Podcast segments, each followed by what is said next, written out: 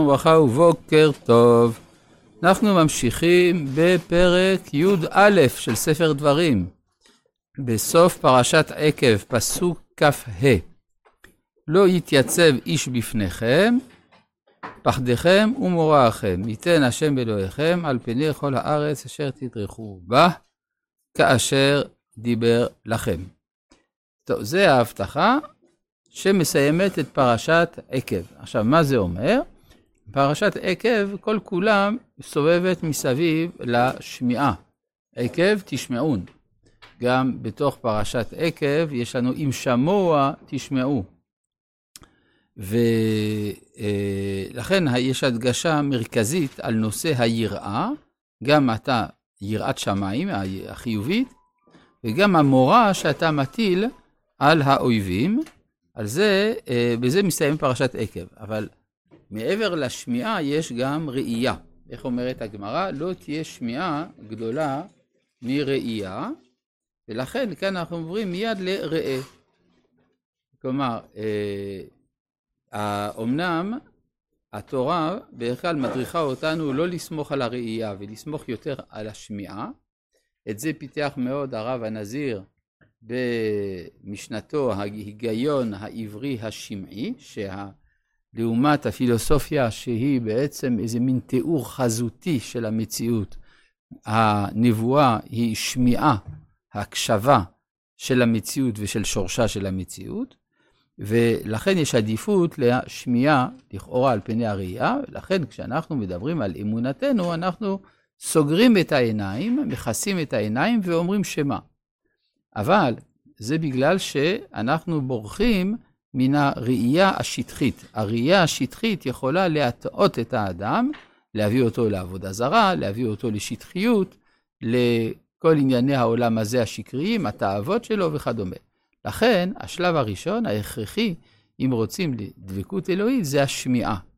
אחרי שמגיעים אל השמיעה, שהשמיעה ממוצע, אז אפשר לדבר על הראייה העליונה, מה שנקרא אצל הנביאים חזון. כן, הרי החזון זאת המדרגה היותר גבוהה של הנבואה, חזון זה ראייה, לחזות, לראות, בארמית חזה זה לראות. למה הפילוסופיה זה עניין של ראייה? יש מושג בפילוסופיה שנקרא השקפת עולם. מה זה השקפה? להסתכל. זאת אומרת, מה שעושה הפילוסוף, הוא מצייר לפנינו תמונה. תמונה אמנם רוחנית, אבל תמונה של המציאות, מה למעלה, מה למטה, מה בפנים, מה בחוץ, מה חשוב, מה לא חשוב. זה מין אה, ציור, אפשר לצייר בעצם אה, כל שיטה. כן, אבל גם המשמעות היא ביחס, ל, איך לומר, לסיבתיות. הסיבתיות אומרת, יש סיבה, יש מסובב, יש למעלה, יש למטה. ולכן אפשר, כל, אה, כל שיטה פילוסופית, אפשר לצייר אותה באיזושהי צורה. הגדיל לעשות זאת ברוך ספינוזה. כשהוא אומר שהוא יסביר את הכל על פי כללי הגיאומטריה. כלומר, הגיאומטריה זה חזותי בסופו של דבר. ולכן אה, אה, הרבה טעויות בפילוסופיה נובעות מציוריות. זה הפילוסוף היהודי ממוצא יהודי צרפתי, הנרי ברגסון, אמר שרוב הטעויות בפילוסופיה נובעות מזה שהפילוסוף נותן ציור חזותי למחשבות שלו. ואז יש לו קושי. מה שאין כן בתורת משה, או בכלל אצל הנביאים, הנביא שומע. השומע זה עמדה של ענווה. כלומר, כשאני מצייר, הציור יש לו גם תכונה שהוא נותן את כל הנתונים בבת אחת. אתה רואה תמונה, אתה רואה הכל. ויש איזו תחושה של שליטה על המציאות. בעוד שבנבואה, כשאני צריך להקשיב למשהו, יש לי ענווה, אני שומע מוזיקה, אני לא יכול ל- לראות את כל התווים בבת אחת, אני צריך לראות אותם אחד אחרי השני. ורק אחרי שאני שומע תו ועוד תו ועוד תו, אני יכול לעשות איזה מין סימפוניה, לראות את הקשר בין החלקים השונים. כך שיש עמדה גם של ענווה בשמיעה. בסדר? טוב. אז אה, חזון ישעיהו. אז כפי שאמרנו לפני בערך שלוש דקות, לא פחות, כן, שלוש דקות בערך, אמרנו שאחרי השמיעה מגיעים אל הראייה העליונה, ולכן אצל הנביאים המדרגה העליונה נקראת חזון. כמו שחזון מלשון לראות, בארמית חזה זה רעה. זה רעה. זאת אומרת שהבריחה מן הראייה זה בריחה מן השטחיות שקשורה לראייה. השטחיות הזאת יכולה גם להביא אותנו לעבודה זרה, הרי עבודה זרה היא מאוד חזותית, פלסטית, וגם יכול להביא את האדם לשטויות של העולם הזה, התאוות וכדומה. לכן, בשלב ראשון, אנחנו דוחים את הראייה ועולים אל השמיעה. אחר כך אנחנו מגיעים לראייה עליונה. ראייה עליונה, אז היא כבר סוג של שמיעה גם כן. כלומר, אצל משה רבנו הראייה והשמיעה היו לגמרי אה, מחוברים זה לזה. בסדר? טוב. אה, אז אז מגיעים לראה. עכשיו, המילה ראה, שבפסוק כ"ו, זה הפסוק הראשון של פרשת ראה, היא בלשון אה, יחיד. לא, לא נאמר ראו, כתוב ראה. אחר כך כתוב, אנוכי נותן לפניכם. אז אפשר להגיד, אנוכי נותן לפניך.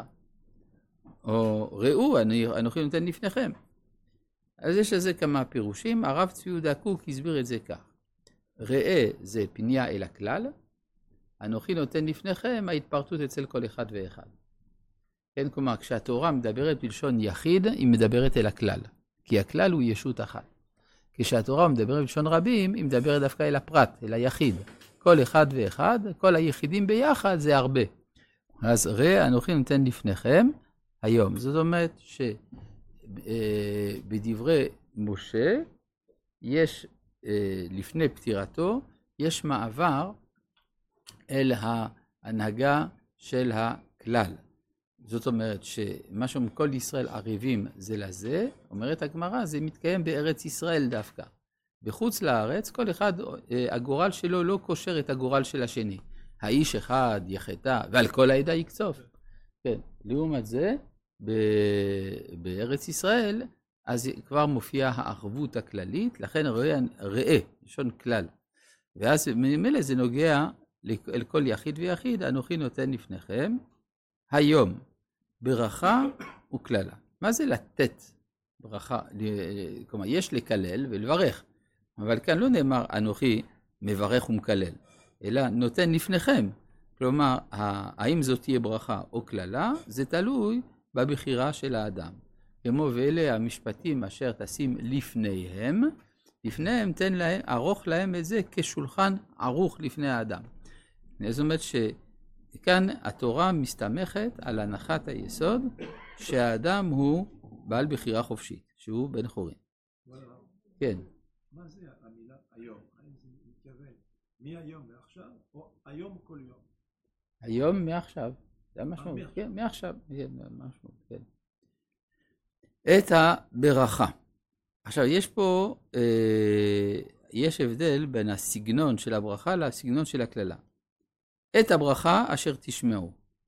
אל מצוות השם אלוהיכם אשר אנוכי מצווה אתכם היום, והקללה, אם לא תשמעו.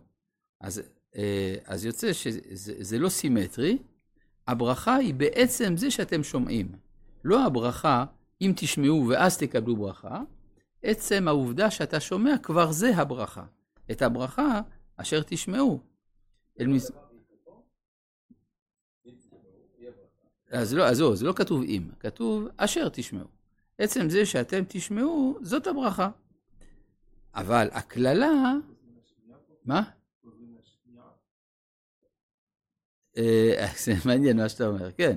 כלומר, אה, ראה זה מה שאתה תגיע אליו, ואז זה נותן משמעות לשמיעה. כלומר, כשאדם ייסע במקום גבוה, הוא רואה גם את כל הדרכים שהביאו אותו אל הפסגה. יפה, הערה נכונה. כן.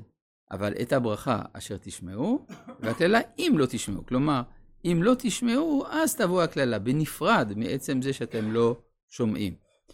וגם, יש פה הנחה שמן הסתם, כלומר, הצפוי מכם זה שתשמעו. את הברכה אשר תשמעו, ברור שתשמעו. הקללה זה רק אם לא תשמעו. יכול להיות גם שלא תשמעו, אבל זה, איך אומרים, ברירה, אה, אה, ברירת מחדל, לא ברירה שעשויה להיות לכתחילה. אל מצוות השם אלוהיכם, וסרתם מהדרך, אשר אנוכי מצווה אתכם היום. עכשיו, אם אתם לא תשמעו, בסוף זה יגיע גם לעבודה זרה. ללכת אחרי אלוהים אחרים, אשר לא ידעתם.